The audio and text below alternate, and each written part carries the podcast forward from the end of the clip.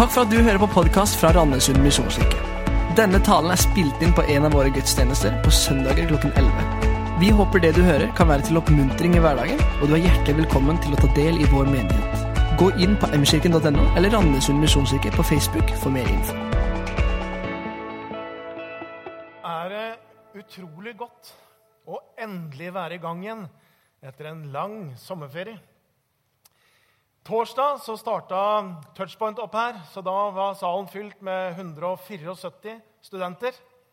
Og på fredag så hadde Loftet en fantastisk kveld med 160-170 ungdommer som var her.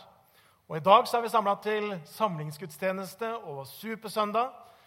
Og så starter de fleste andre aktivitetene opp i uka som kommer. Endelig er vi i gang.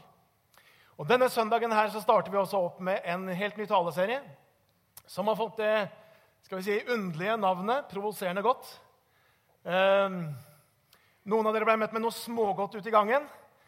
Eh, vi tenkte Kanskje er det sånn at noen av dere kanskje de minste, tenkte yes, det er godt, og noen av dere voksne ble litt provosert. Nok sukker denne helgen her. Det er sånn, Noen ting kan både skape det der at det er bra, og det er provoserende. Og Noe av det vi ser når vi leser evangelien, det er at Jesus han evner mange ganger å provosere og fortelle noe godt på samme tid. Det står om, Og vi finner denne spenningen i mange av evangelietekstene. Eh, Jesus om han så står det at han er full av nåde og sannhet. Og I det så finnes noe av denne spenningen. Når Jesus møter denne kvinnen som er grepet i ekteskapsbrudd, så sier Jesus til henne Heller ikke jeg fordømmer deg. Og så provoserte det datidens samtid noe enormt. Og så sier Jesus følgende, for han fortsetter. Gå bort, synd ikke mer. Finn et nytt måte å leve på. Og så opplever vi at nettopp det provoserer vår tid enormt. Vi har denne spenningen. Provoserende godt. Og Det er det vi har lyst til å, å, ta ut og finne noen av de tekstene eh, denne, disse fire søndagene som ligger foran oss. Og så tenker jeg Jesus han kunne provosere big time. Og Det var ikke bare fariseerne. De var liksom de han stadig var i sånn klinsj med. Han kaller de på et tidspunkt for hvitkalkede graver. Eh, jeg skjønner at de ble provosert. Men også disiplene er det Jesus kunne provosere på. et eller annet, Når Jesus forteller, så er det som de slipper alt. Og så sier de, men Jesus, hvis det skal være sånn å være disippel, hvem kan da være disippel? Og Noen ganger så hadde Jesus store folkemengder som fulgte han og som hørte på han. Og Så sier Jesus noen ting som gjør at de bare vender ryggen til han. Og så vet vi at det var folkemengden som ropte 'Korsfest, korsfest'. Jesus skaper noen av disse spenningene. Sånn er det egentlig også i vår tid. Jeg tenker, For noen elsker Jesus, og sånn som vi sang nå. Og noen kjenner at bare de hører ordet Jesus, så skapes det en provokasjon eller en aggresjon. Sånn er det også i dag og en tid hvor vi ønsker å slå ned på all hatretorikk, ja, så kan det komme ganske mange tøffe utsagn om kristendom, om kristne, om Jesus. Mangeårig leder av Human-Etisk Forbund, Lever fra Grell, skriver i boken 'Vi som elsket Jesus', han skriver følgende Kristendommen har en gud det er helt naturlig å hate.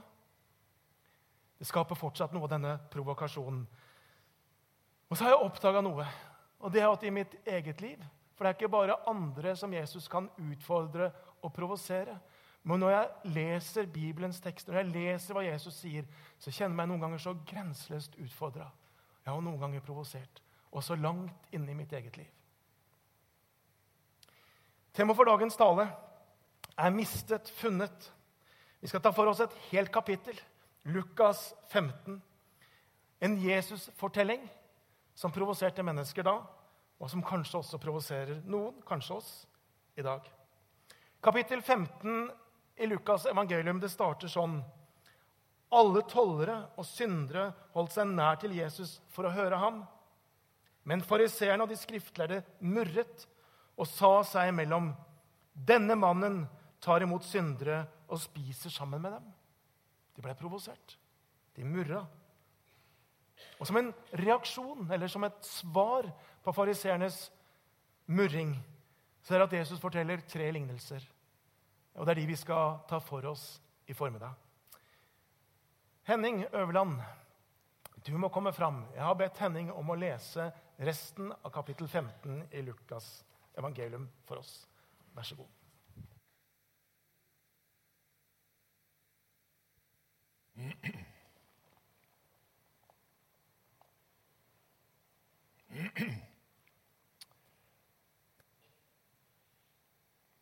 Da fortalte han dem denne lignelsen. Dersom en av dere eier 100 sauer og mister en av dem, lar ham ikke da de 99 være igjen ute i ødemarken og leter etter den som er kommet bort, til han finner den. Og når han har funnet den, blir han glad og legger den på skuldrene sine. Straks han kommer hjem, kaller han sammen venner og naboer og sier til dem.: Gled dere med meg, for jeg har funnet igjen den sauen som har kommet bort. Jeg sier dere, på samme måte blir det større glede i himmelen over en synder som vender om, enn over 99 rettferdige som ikke trenger omvendelse.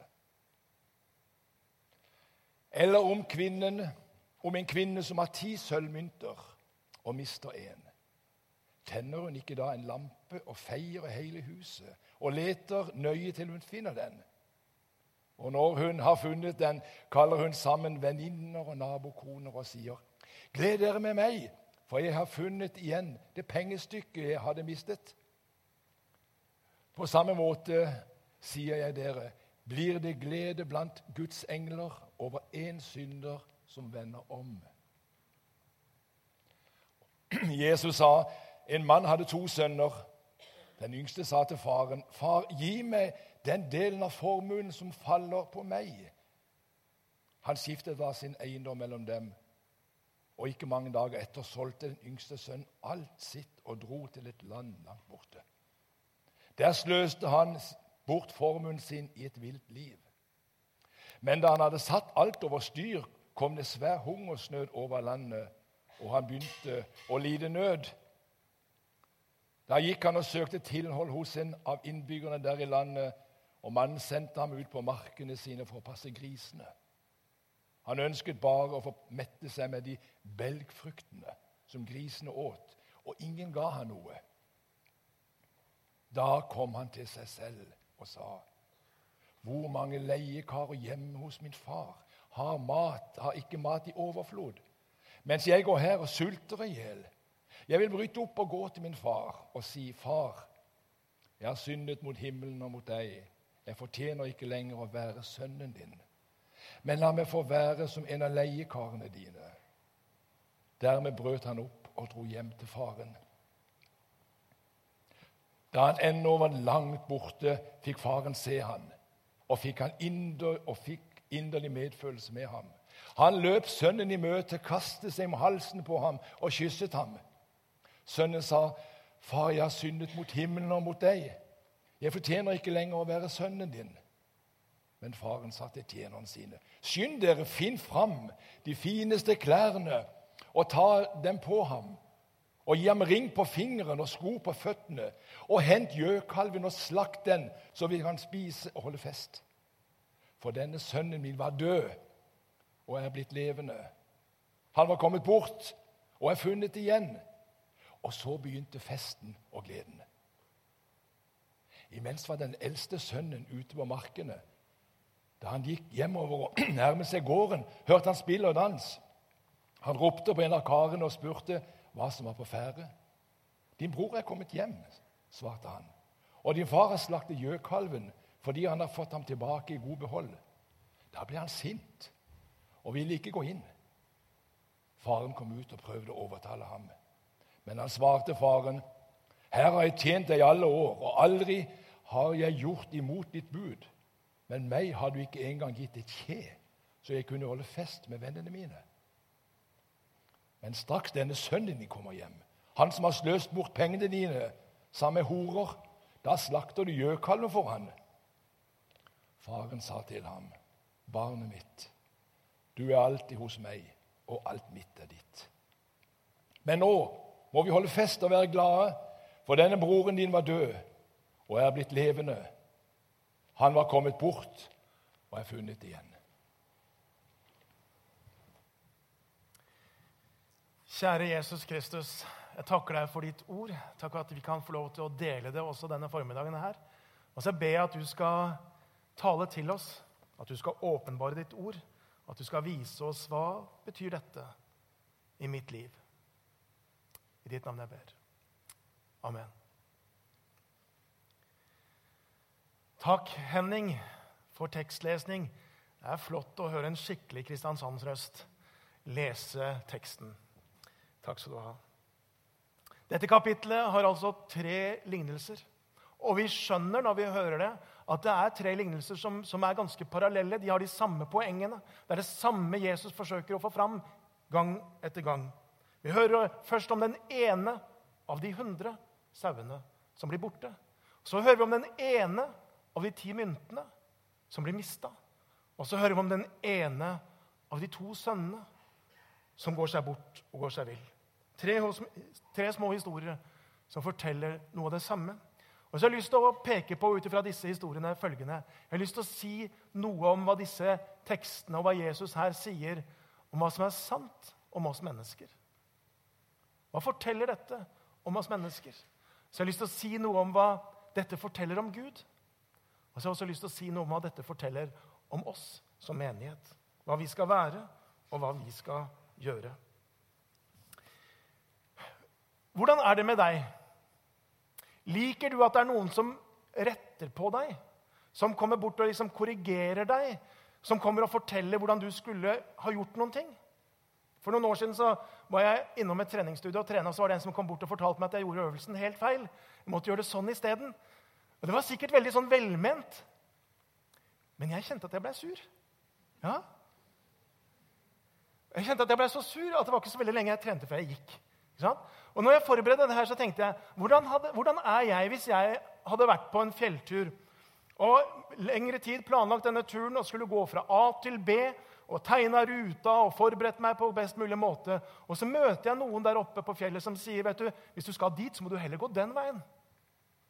Så kan det godt hende jeg hadde hørt på det og lytta og, så videre, og tenkte at ja, det er sikkert mye sant i det. Men jeg tror jeg hadde sagt ha det og gått den veien jeg hadde planlagt. For et eller annet sted inni meg så jeg tenkt hvem er du? Her har jeg vært speider og lært om kart og kompass og forbereda meg. Jeg tror faktisk jeg vet en veien sjøl. Jeg er ikke så glad jeg, når noen skal rette på meg. Jeg blir litt provosert noen ganger. Er det bare jeg som har det sånn? Eller i hvert fall et par andre. Sånn er jeg. Så jeg skjønner veldig godt når at mennesker kjenner at de blir provosert. Hvis det er noen som skal fortelle dem at sånn du lever, så lever du feil. Eller du går på en feil vei i livet. Jeg skjønner det veldig godt. Jeg skjønner veldig godt at mennesker blir provosert av hva Bibelen sier, av hva Jesus sier, at uten Gud så har mennesket rota seg bort. Uten Gud så er mennesket fortapt. At vi er syndere som trenger tilgivelse. Jeg skjønner godt at det budskapet er provoserende for veldig mange i dag. Men det er det Jesus sier, som er sant om oss mennesker i disse tekstene. For vi er den sauen som har gått oss vill. Vi er den mynten som har mista. Menneskeheten er den sønnen som slamrer igjen døra, og som går ut, bort ifra Faderhuset og Gud. Profeten Jesaja han sier det sånn mange hundre år før Jesus eh, sier dette. Han sier, 'Vi gikk oss alle vill som sauer.' Hver tok sin egen vei. Det er det eh, Jesus egentlig peker på i denne teksten her. I mennesket så tror jeg vi har en naturlig lengsel etter Gud. Jeg tenker, En kan nesten ikke nekte for det. Det er sånn alle religioner oppstår. Det er sånn all religiøsitet er. Det er en lengsel etter oss i å strekke oss etter noe utenfor oss sjøl. Bibelen sier evigheten. Det er som en liten bit av selve evigheten som er lagt ned i våre hjerter, i dypet av hvem vi er. Så finnes det en lengsel. Det er noen filosofer som snakker om at vi mennesker vi har på en måte en slags en, en hjemlengsel dypt, dypt nedi oss et sted. Et slags urminne av at en gang så var vi hjemme hos Gud i paradis. Det finnes en naturlig gudslengsel i mennesket. Og Samtidig så er det sånn at etter syndefallet så finnes det også en naturlig hos oss mennesker til å forlate Gud, til å vende han ryggen, til å gå vår egen vei, til å slamre, slamre døra igjen og forsvinne ut. Og i denne spenningen mellom en gudslengsel og det at vi på en måte vil bort ifra Gud, der slites vi, der lever vi, og der kjenner vi noen ganger at det på en måte tar tak i oss. Vi lever i denne spenningen. Om Jesus bare hadde fortalt denne siste lignelsen, om den, hjemme, eller om den, den sønnen som yngste sønnen, som eh, forsvant ut, så hadde vi kanskje tenkt at alltid så handler det å komme bort ifra Gud det handler om et opprør. Det handler om på en måte å brenne alle bruer. Det handler om å gjøre alle de tingene som vi vet vi ikke burde ha gjort. Det handler om å slamre døra igjen. Det handler om dette opprøret, sånn som den yngste sønnen hadde. Og det er noen mennesker som nettopp forlater Gud, forlater Faderhuset av den grunn. Men Jesus forteller noen andre lignelser her. Han sier at det er jo ikke alltid sånn det er. Noen ganger er det ikke det bevisste opprøret som gjør at vi kommer bort fra Gud. Noen ganger er det bare fordi at det blei sånn. Som den sauen som nok ikke hadde noe sånn spesielt opprør. Men det var bare sånn han gikk fra den ene grønne tua til den neste. Og så til den neste og til den neste. Og så var det sånne små valg og sånne små skritt som førte at plutselig så var sauen kommet så langt bort at han verken hørte hyrdens røst eller kunne finne til tilbake til flokken. Jeg tenker, Noen ganger så er det sånn vi mennesker kommer bort fra Gud. Det på en måte bare sklei. Det bare blei sånn. Det var de små skrittene, det var de små valgene. Og plutselig så oppdaga vi at vi var et sted hvor vi var langt borte fra det vi en gang hadde. Og Så forteller Jesus om en annen lignelse. Og jeg tenker Noen ganger så er det sånn at veien til Gud den blokkeres, eller vi kommer bort fra Gud ikke fordi vi har valgt det, men fordi at kanskje noen har vært skjødesløse mot oss. Sånn som denne kvinnen som mista en mynt. En av ti. Hvor vanskelig kan det være å passe på ti mynter? Det er bare å ha det i et, en, en, pengepung eller ha det i en, en, sekk eller et eller annet. Hvor vanskelig kan det være? Men hun mista den ene. Skjødesløse. Jeg tenker Noen ganger så stenges veien til Gud fordi at det er noen som har gjort noe mot oss.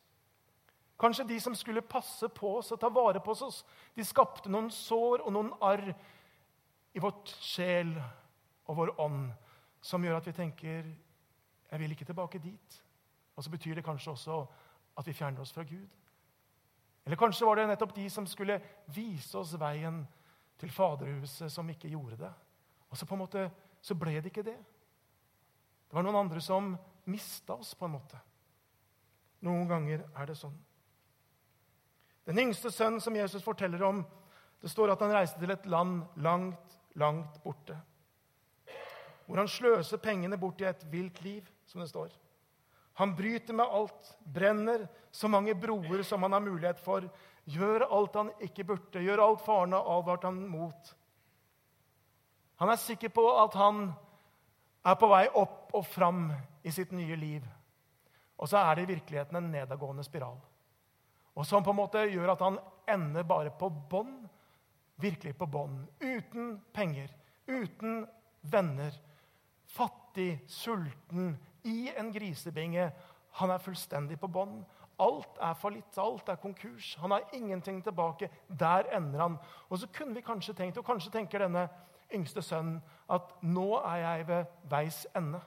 Dette er mitt endepunkt. Her slutter det. Her er alt tapt. Og så skjønner vi teksten, og så leser vi og tenker at ja, men her, når han er helt på bunn, det er jo egentlig toppunktet hans. Det er egentlig det vakreste øyeblikket. Det er egentlig da alt snur. For det står så kom han til seg sjøl. Så kom han til seg sjøl.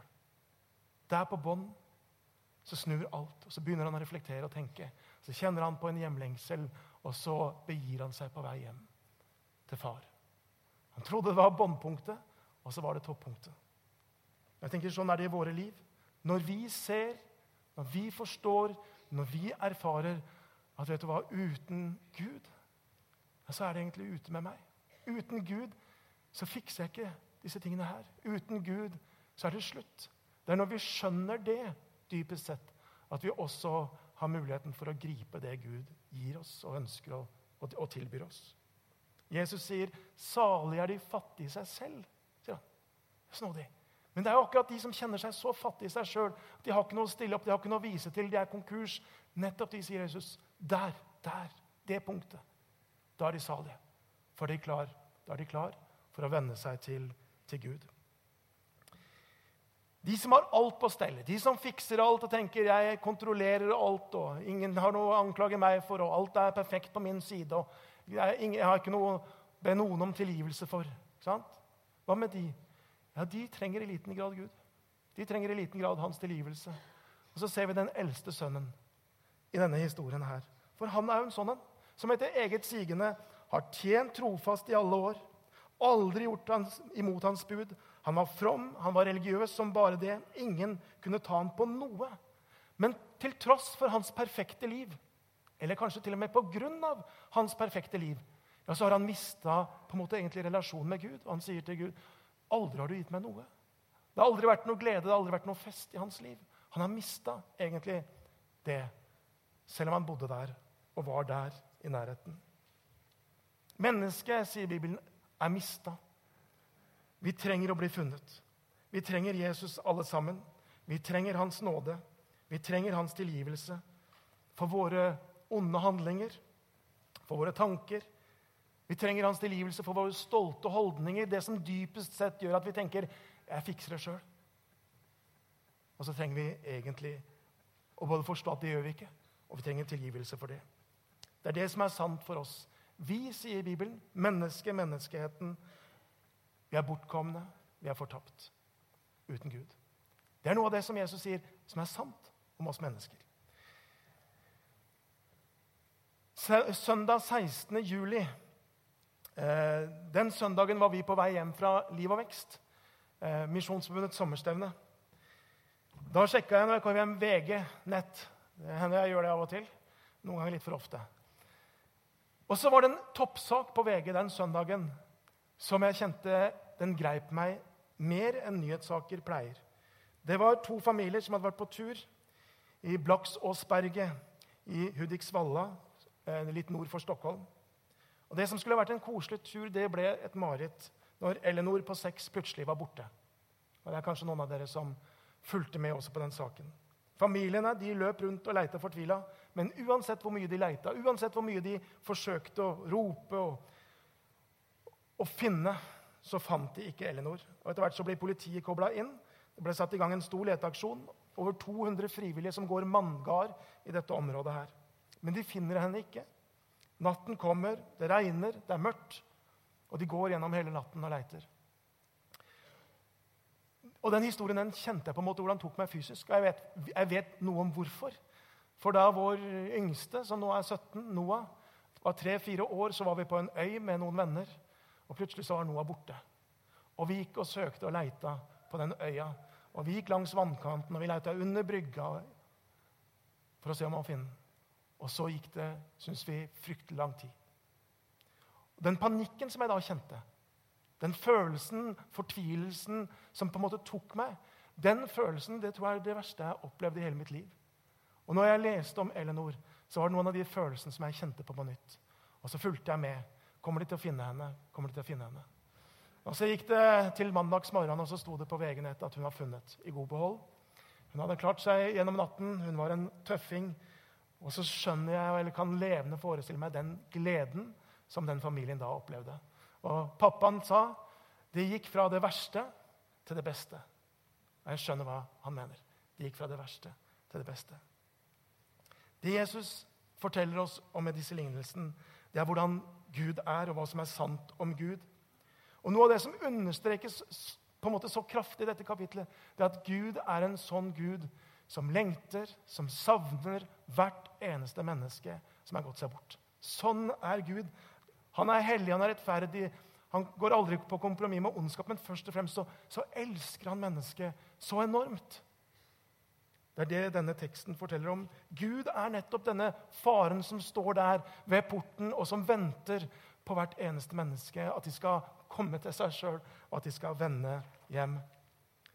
Jeg tror at den følelsen som vi som foreldre kan kjenne på om et barn blir borte, som jeg kjente på når Noah forsvant, som denne familien kjente på når Eleanor forsvant Jeg tror den følelsen bare er en liten flik av den smerte som Gud kjenner for hvert eneste menneske som roter seg bort ifra ham.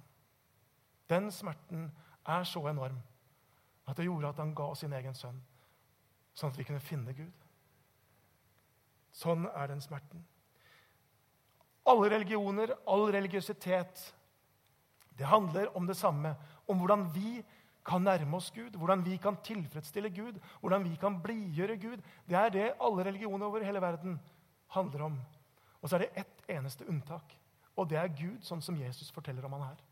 At det er Gud som er den som søker, som går og leiter, som står og venter, og som håper at mennesket Sånn er vår Gud. Det er det som er sant om Gud. Han søker, han leiter etter oss. Gud, slik Jesus viser han, er nettopp denne Gud som sier, 'Kom til meg, alle dere som strever og bærer tunge byrder, og jeg skal gi dere hvile.'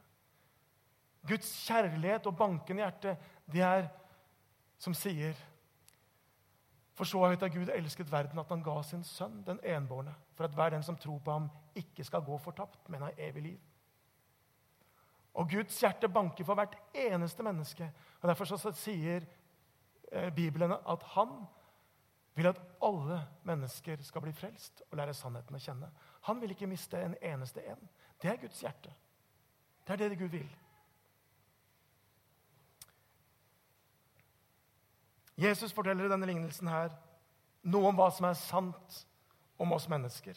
Nemlig at vi har gått oss vill, og vi er fortapt uten Gud.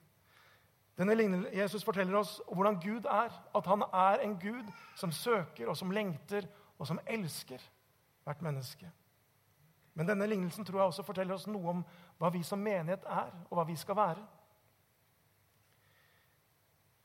Den siste lignelsen, lignelsen om denne faren som har de to sønnene, den bryter egentlig mønsteret. Jeg vet ikke om du la merke til det. Men det som ikke skjer i den lignelsen, det er at noen går ut og søker og leiter. I den første så er det hyrden som forlater de 99 for å finne den ene. I den andre så er det kvinnen som feier og søker og tenner lys for å finne den ene mynten. Men i den tredje lignelsen så er det ingen som går ut etter sønnen for å finne ham.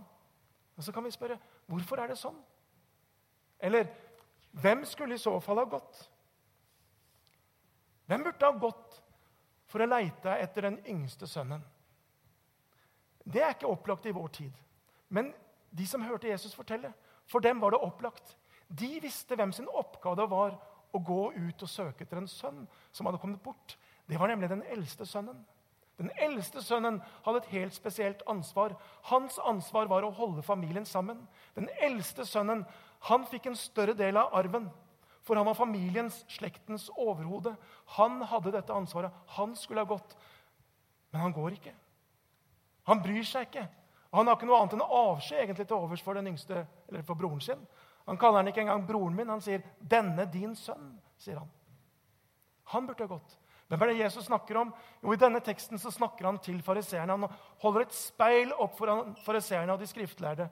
Og jeg tror han, Jesus er så skuffa. For nettopp de som kjente Guds ord, de som visste veien til Gud, nettopp de var det jo som burde ha gått etter syndere, tollere, bortkomne. Men de gjør det ikke. Og så har de bare avsky til overs for de. Og så er det Jesus holder et speil og sier, 'Sånn er det dere oppfører dere.' Sånn er det dere oppfører dere.